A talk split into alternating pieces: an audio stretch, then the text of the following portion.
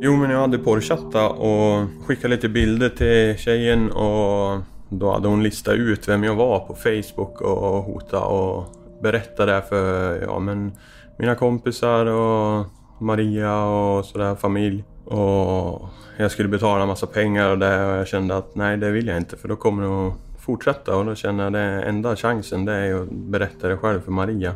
I podcasten Kärlek och terapi har kärlekspar sökt hjälp hos samtalsterapeuten Daniela Gordon och låtit samtalet spelas in.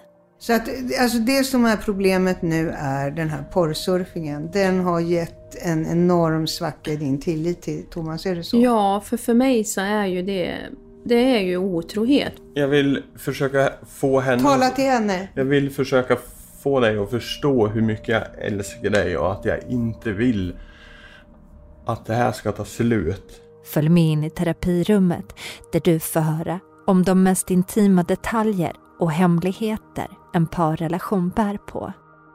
Leta upp podcasten Kärlek och terapi.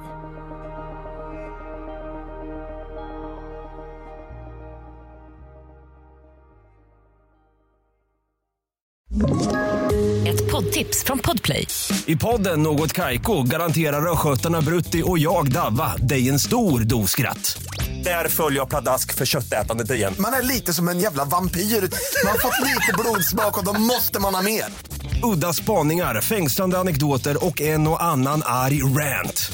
Jag måste ha mitt kaffe på morgonen för annars är jag ingen trevlig människa. Då är du ingen trevlig människa, punkt. Något Kaiko, hör du på Podplay. Därför arkadeinerna.